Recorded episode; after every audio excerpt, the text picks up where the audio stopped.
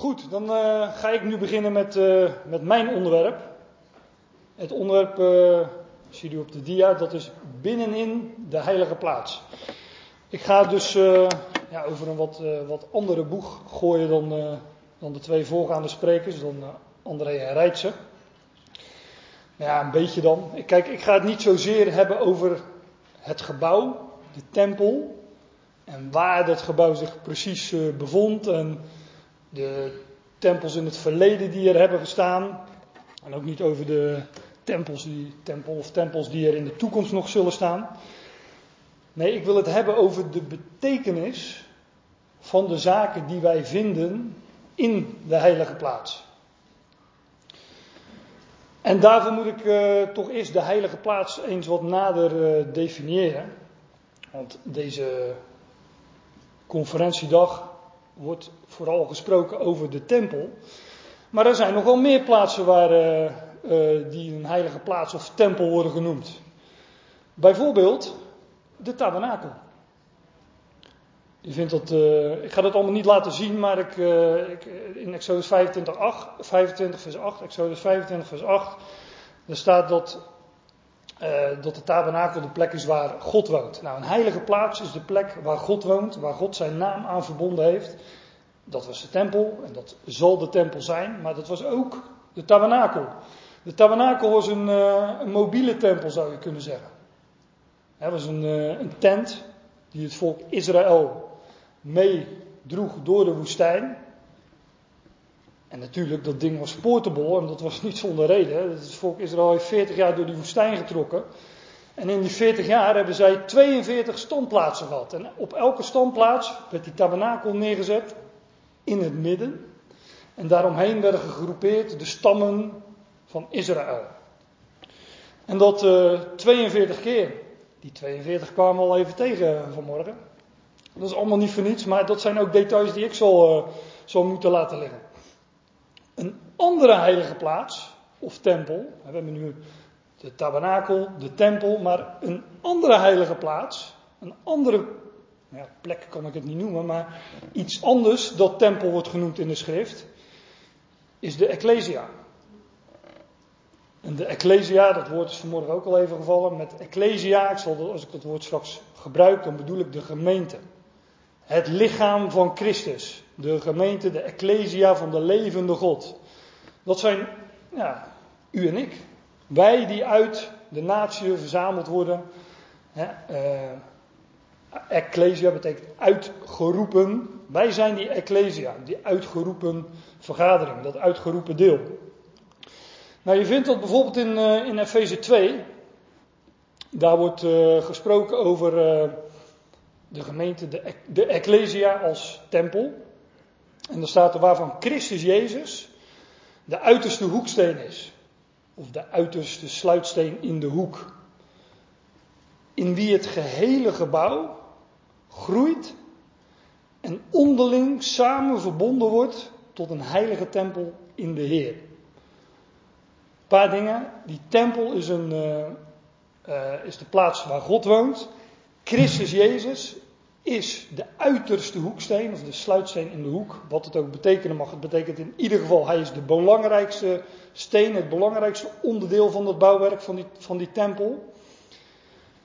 En in hem wordt ook nog eens dat geheel onderling samen verbonden. Met andere woorden, dat is ook Paulus, hij is het hoofd, wij zijn zijn lichaam. En als je goed leest, dan zie je dat hier die beeldspraak ook nog eens door elkaar gebruikt wordt. Lees ook de voorgaande versen maar, uh, maar eens door op een later tijdstip. In wie het gehele gebouw groeit. Groeit een gebouw dan? Nee, een lichaam groeit, maar die dingen worden hier door elkaar gebruikt. En onderling samen verbonden wordt. Zoals een lichaam verbonden wordt door spieren, pezen, gewrichten. Kijk, Paulus gebruikt die beeldspraak hier door elkaar. En het gaat hier over de Ecclesia, het lichaam van Christus, die een tempel, een heilige tempel is in de Heer. Of weten jullie niet dat jullie een tempel van God zijn? En dat de geest van God in jullie woont? Nou, als u die vraag met nee beantwoordt, dan zeg nou, dan weet u het nu.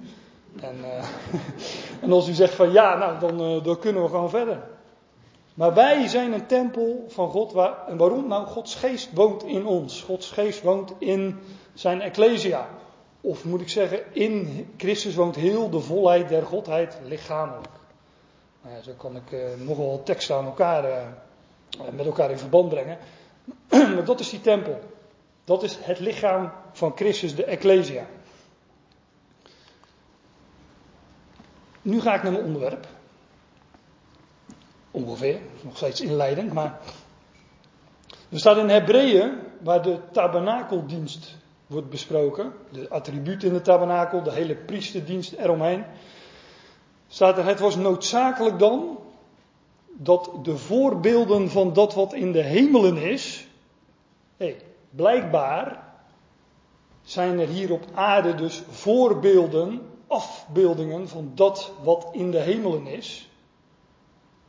Met deze dingen gereinigd worden. Dat sla ik even over. Want Christus is niet ingegaan in met handen gemaakte heilige plaatsen. Hier gaat het over de tabernakel, met handen gemaakte heilige plaats. Of voor mij de tempel, dat was ook een met handen gemaakte heilige plaats. Maar Christus, Christus is niet ingegaan in met handen gemaakte heilige plaatsen. Als u scherp bent, dan zegt u, hé, maar hij was toch wel eens in de tempel. Ja, dat was Jezus in zijn aardse omwandeling als mens. Maar hier gaat het over de opgewekte, over Christus, de Messias, hij die nu in de hemel is. Christus is niet ingegaan in met handen gemaakte heilige plaatsen.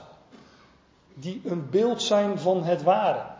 Dus die met handen gemaakte heilige plaatsen, die wij vinden in de Bijbel, de tabernakel, de tempel, die zijn een beeld, een uitbeelding, een voorbeeld van het ware. Zij zijn namelijk voorbeelden van dat wat in de hemelen is. Dus dat wat in de hemelen is, wordt uitgedrukt in dingen hier op aarde. Met, in, met handen gemaakte heilige plaatsen. En dat staat er nou ook. Die zijn een beeld van het ware, namelijk, maar, daar is Christus ingegaan, in de hemel zelf. Dus de hele priesterdienst van de met handen gemaakte heilige plaatsen is een beeld, een type, een voorbeeld, een afbeelding, zeg het maar, van dat wat in de hemel is. En dat is belangrijk, want dan kunnen wij die dingen die hier op aarde waren, tempel, tabernakel, priesterdienst enzovoort, bestuderen en daarin het werk van Christus zien, wat hij nu doet, terwijl hij ingegaan is in het ware heiligdom, namelijk in de hemel zelf. Want dat is de tijd waarin wij leven. En dat is de tijd waarin Christus verborgen is, waarin er ook geen zichtbare tempel is, maar wel een verborgen tempel, namelijk de Ecclesia. Dat betekent dan ook dat de zienlijke dingen in de tabernakel, in de tempel, spreken van de onzienlijke dingen in onze tijd en van het werk van dat Christus nu doet.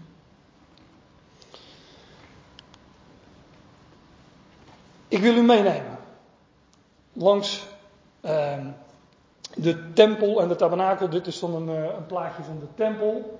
En dit is de tabernakel. En uh, er zijn verschillen tussen die, uh, tussen die tempel en die tabernakel, maar er zijn veel meer overeenkomsten. Ik noem een paar verschilletjes. Ehm, dat zie je al op het plaatje. Dit is het brandofferaltaar van de tempel. Dit is de tabernakel. Uh, en hier stond het brandofferaltaar in de tabernakel. Nou, die is al wat kleiner. En als je naar het wasvat kijkt, komt er zo nog wel op. Ja, die zie je bijna niet. Die is wel erg klein afgebeeld. Maar dat, dat zijn dus verschillen. In de tempel is alles groter. Dat, ja, zo'n ding sleep je natuurlijk ook niet mee door de woestijn. Dat wordt een beetje lastig. Dus dat ook, had ook een, een, een praktisch nut. Maar de betekenis van die attributen, die is hetzelfde. Uh, nog een dingetje, in de tabernakel stond een kandelaar. Nou, in de tempel stonden er twee keer vijf kandelaars aan beide zijden. Dat, dat zijn maar een paar uh, verschillen, maar het blijven nog steeds kandelaren. En de betekenis van de kandelaar, ja, die komt natuurlijk wel overeen. Um, ik ga u meenemen door de tabernakel. Omdat ik het zo simpel, eenvoudig en overzichtelijk mogelijk wil houden wil ik u een korte rondleiding geven door die tabernakel. Dit hier is een, uh, een platte grond. Nou, die, de tempel was ongeveer hetzelfde, maar nou, ik heb gezegd er zijn wat verschillen. Um, ik moet dat snel doen, hè, want uh, de tijd loopt. Dus, ik ben u wel eens bij Ikea geweest? Bij Ikea heb je, nou, ik kom er liever niet, maar ik ben er al eens geweest. Daar heb je een lange route en een korte route. nou, wij pakken vanmiddag uh, de korte route. En er is veel meer over te zeggen. Ik heb nu een half uurtje waarvan er al een minuut of tien voorbij zijn. Maar uh, ik heb ooit wel eens bijbelstudies gegeven over al die attributen in de tabernakel. En dat deed ik op zondagochtend en toen had ik ongeveer twee keer drie kwartier. Dus dat is per attribuut al drie keer zo lang als nu het totaal. Vandaar de korte route van, uh, van Ikea, zeg maar. Als je in de, aan de oostkant de tabernakel binnenkomt, dat is ook niet voor niks, maar daar gaan we niet op in. Dan kom je bij het brandofferaltaar. Dat is het eerste wat je tegenkomt. Jij zal, dit is de instructie die werd gegeven aan Mozes. Je zal ook een altaar van sittimhout maken. Ook niet voor niks sittimhout, maar uh, nou, daar hebben we het niet over. De lengte vijfel, de breedte vijfel en het altaar zal vierkant worden. En al die dingen hebben betekenis. En, uh, maar, zoals gezegd, we gaan, dat ga ik nu niet meer zeggen, we pakken de, de korte route. En zijn hoogte 3L en je zult het met koper overtrekken. Al die attributen, laat ik dit erover zeggen, in de tabernakel waren hout, overtrokken met koper, dat wat buiten stond, en wat binnen, echt binnen in die tent in het heiligdom stond, hout, overtrokken met goud. Hout is dat vergankelijke spul wat uit de aarde komt, dat groeit uit de aarde, en dat wordt overtrokken met goud, dat wordt onvergankelijk gemaakt, want dat beeldt het uit. Nou, hier is dat met koper, ziet er ongeveer hetzelfde uit, koper. Ik denk dat ik het niet uit elkaar zou houden als het, het voor mijn neus houden, maar het heeft ongeveer dezelfde betekenis. Hieronder heb ik nog een uh, paar schriftplaatsen gezet. Van hoe, uh, waar je nog meer dat brandofferaltaar vindt. De bovenste is elke keer van de tabernakel. En de onderste is nog een schriftplaats hoe dat uh, in de tempel was. Dit is dat brandofferaltaar. En ik heb expres dit plaatje erbij gebracht. Ik wil één aspect wil ik laten zien van dat uh, brandofferaltaar. Um, wat men vaak zegt, een, op de brandoffer werden offers gebracht. Bijvoorbeeld een lam werd daar geofferd. En dan zegt men vaak van ja, dat wat daar uh, geofferd werd, dat is een beeld van de kruisiging van Christus. Fout. Is niet waar.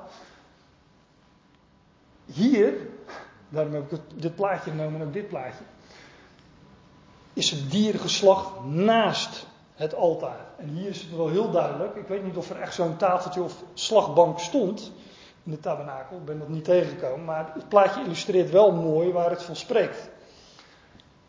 Naast het brandofferaltaar was de slagbank. Daar werd het dier geslacht. Dat is een beeld van de kruisiging van Christus.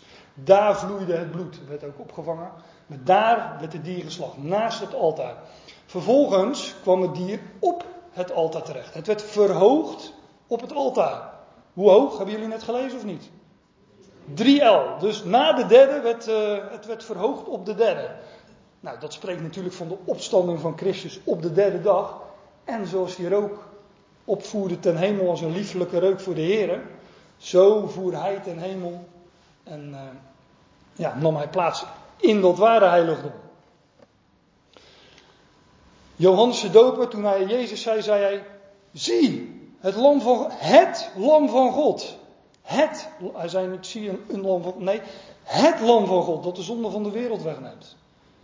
Oftewel, Johannes zei daar met andere woorden, al die lammeren die geofferd zijn in die offercultus, die spraken allemaal van het lam van God. Hij is het lam van God en hij neemt de zonde van de wereld weg.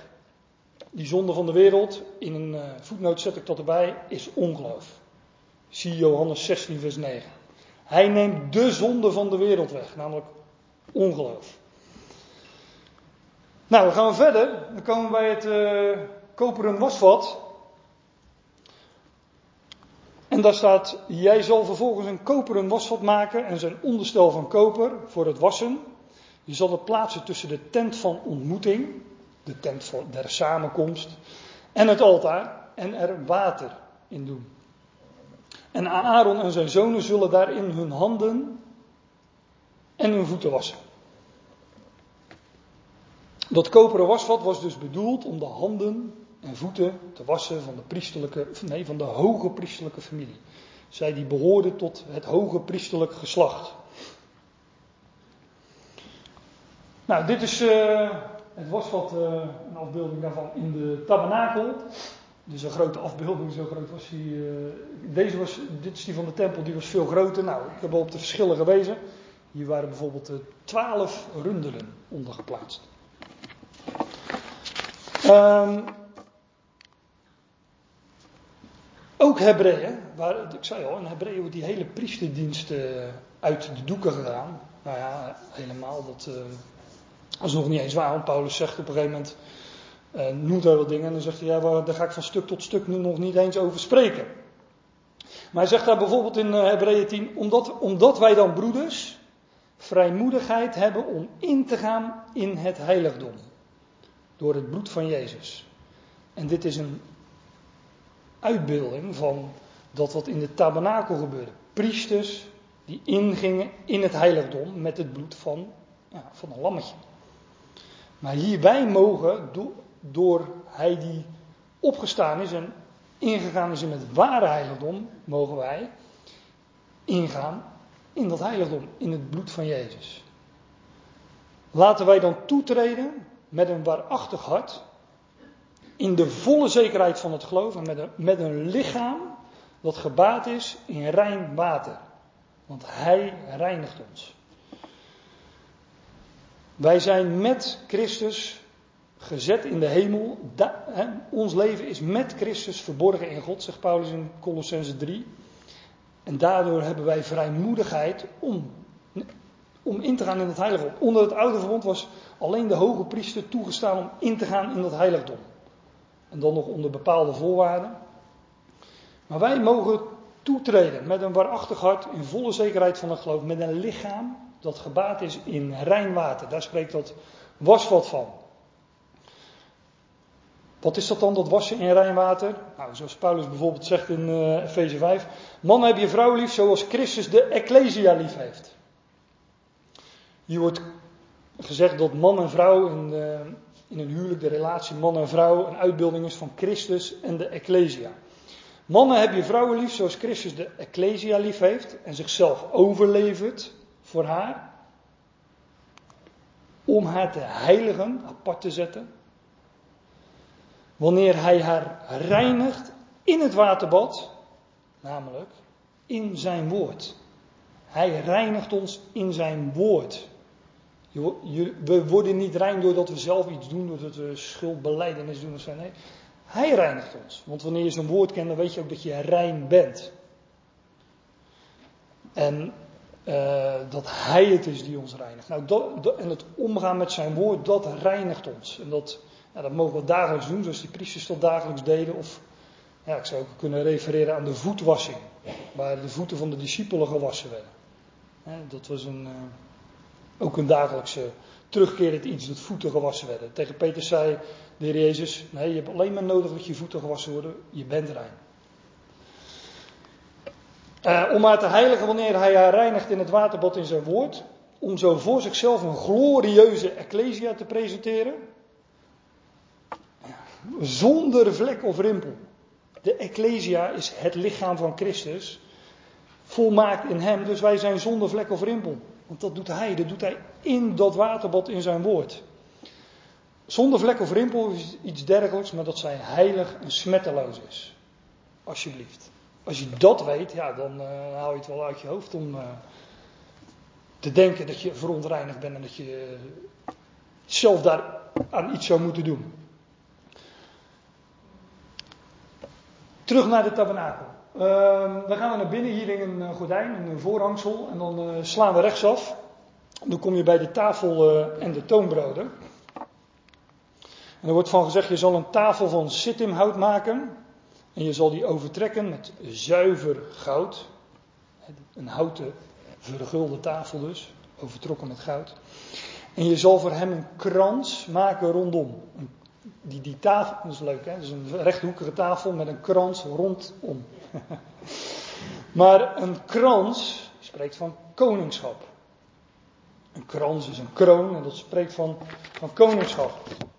Ik heb daar ook een uh, plaatje van. Uh, dit is dan uh, hoe je zeg maar, de tabernakel die eruit gezien zou kunnen hebben. Dit is een, een afbeelding van de tafel en de toonbroden.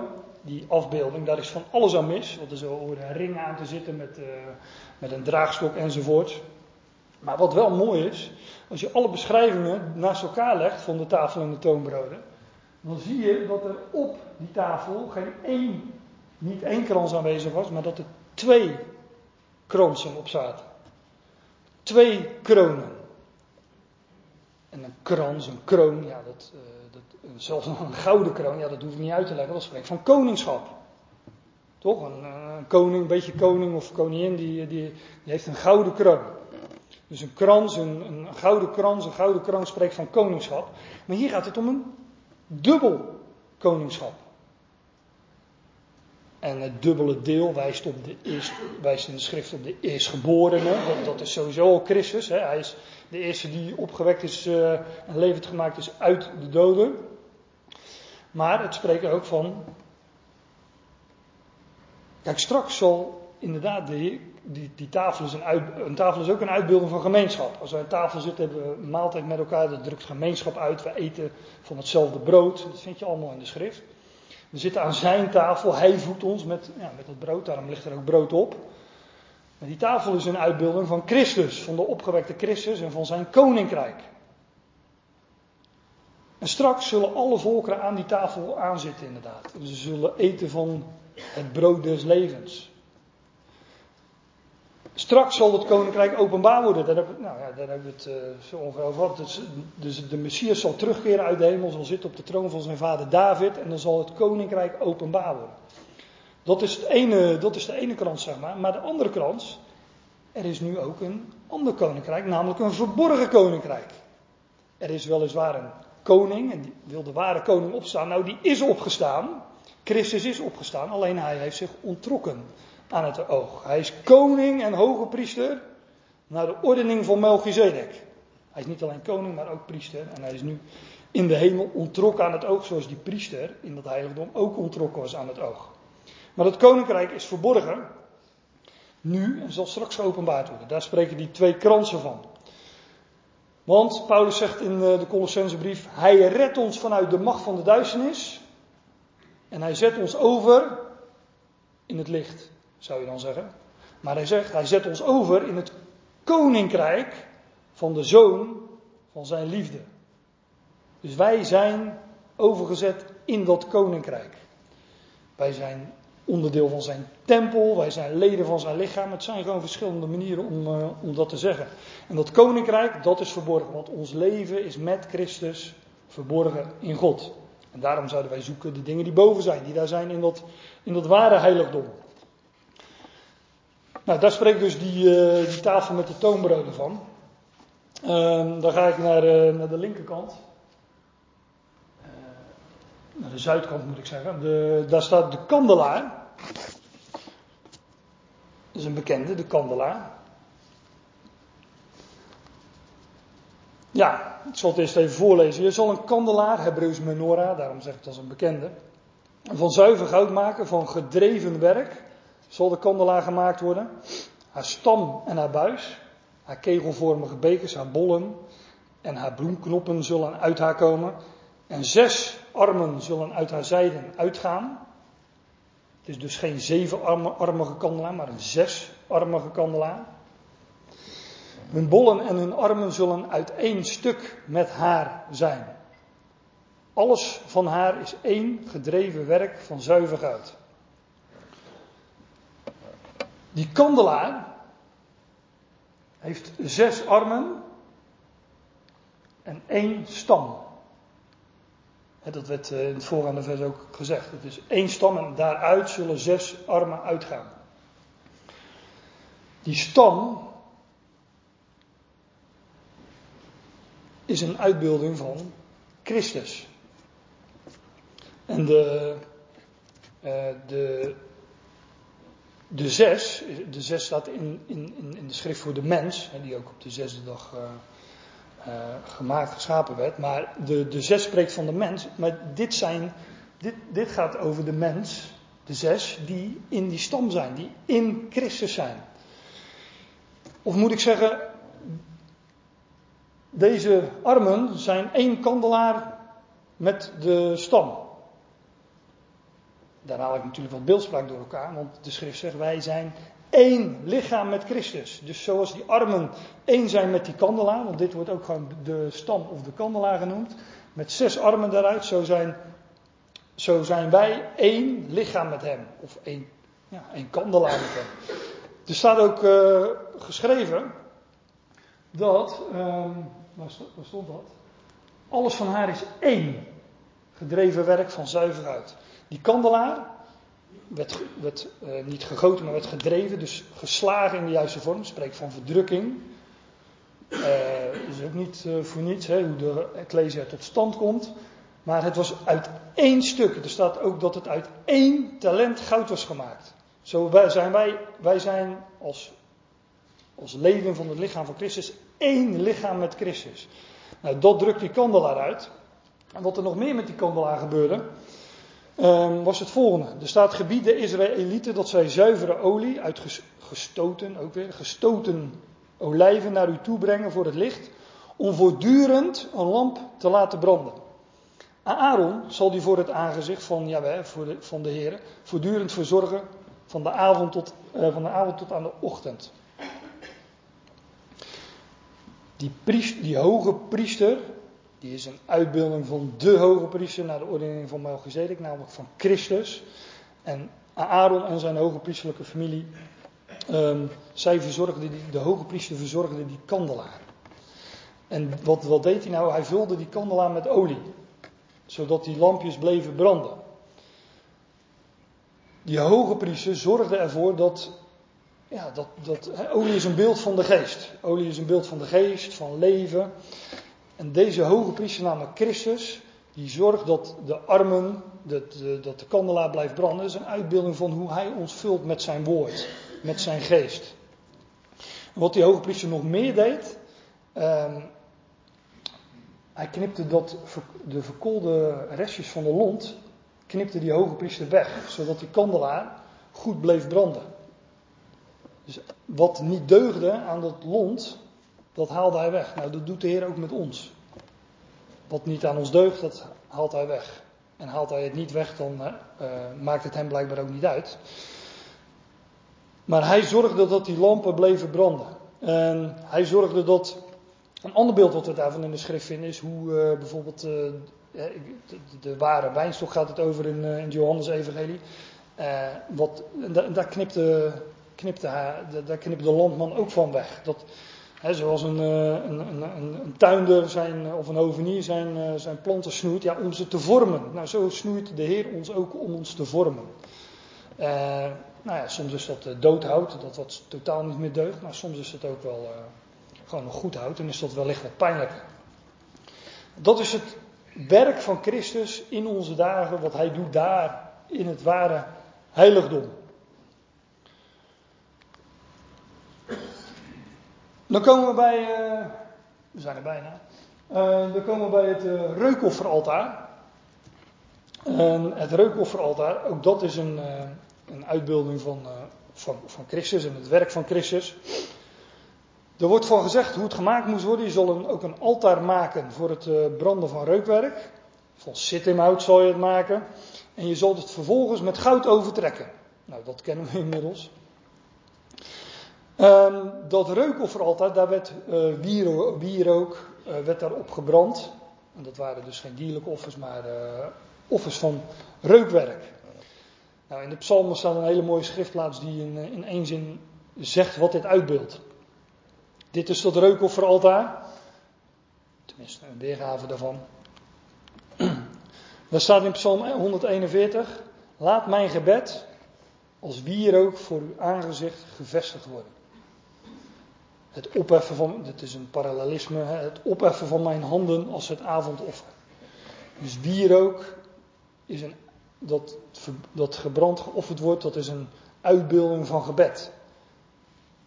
Het gaat niet over uw of mijn gebed, het gaat over degene waar alle psalmen van spreken, namelijk van, niet, van, niet primair van David, maar van de zoon van David. En hij, want wij weten immers niet wat wij bidden zouden, zegt Paulus in, eh, in de Romeinenbrief. Maar hij bidt voor ons met onuitsprekelijke verzuchtingen of iets dergelijks staat. Maar hij bidt voor ons. Hij zit aan Gods rechterhand en hij pleit en bidt daar voor ons. En dat is zijn werk. dat, dat reukelveraltaar, dat zag je op het plaatje ook wel, dat, dat was vrij hoog eh, in vergelijking met de, met de andere onderdelen, andere attributen die daar stonden. Dat betekent ook dat het omhoog gericht was. Zoals gebed, hè, het opheffen van die handen, dat is ook omhoog gericht. Gericht tot, uh, tot de hemel. Daar komt onze hulp vandaan. En hij is degene die, uh, die daar voor ons bidt. Nou, dan zijn we al. Uh, dan hebben we alles. in, dit is trouwens de voorhof en dit is het heilige. En we komen in het allerheiligste gedeelte van de tabernakel of de tempel. En daar stond slechts één attribuut. Dat was de ark van het verbond. En de ark van het verbond is ja, het belangrijkste onderdeel van, uh, van tabernakel en tempel. De ark van het verbond, verbond, zou je kunnen zeggen is het middelpunt of het pronkstuk van, uh, van die tabernakel. Daar staat over geschreven, zij zullen een ark van sittimhout maken. Je zal hem overtrekken met zuiver goud, van binnen en van buiten zal je hem overtrekken. En jij zal op hem rondom een krans van goud maken. Ook deze ark was gekroond dus. Maar ook weer hout overtrokken met goud. En, hier staat zelfs nog eens bij dat hij zowel van binnen als van buiten overtrokken was met goud. Deze ark um, had een, uh, een, deksel, dat heet het verzoendeksel, of beter gezegd de beschutplaats. Dat, verzoen, dat verzoendeksel, laat ik die term even aanhouden, dat verzoendeksel, dat wordt in de Hebreeënbrief genoemd de troon der genade. De troon van de genade. De troon waarop Christus nu zit, in deze huishouding van genade en waarin genade heerst. Hij zit daar aan Gods rechterhand, ja, totdat dat koninkrijk inderdaad openbaar zal worden. Maar nu is hij verborgen voor het oog. En eenmaal per jaar mocht de hoge priester ingaan in dat heilige der heiligen als uitbeelden van Christus die opgestaan is en eenmaal inging in dat ware heiligdom. En daar deed, daar deed die hoge priester onder het oude verbond verzoening, bedekking voor de zonden. En zo doet hij dat ook in dat heiligdom.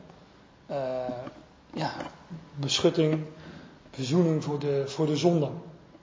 Ja, dat is die, uh, die, uh, die ark van het verbond. Daar is natuurlijk veel meer over, over te zeggen.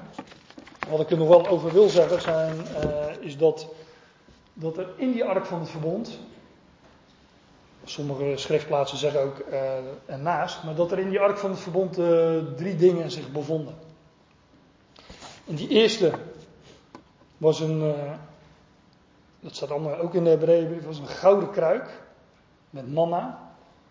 Een kruik, een, een aardevat, is een dat is een uitbeelding van de mens. Hè, zijn breekbaarheid, zijn, uh, zijn vergankelijkheid. Maar deze kruik was van goud. En natuurlijk is dat een uitbeelding van de mens, Christus Jezus. Hij is. Hij, kwam hier als vergankelijk mens en hij stierf, maar dit is een gouden kruik, onvergankelijk gemaakt. En in die gouden kruik, daar bevond zich het manna.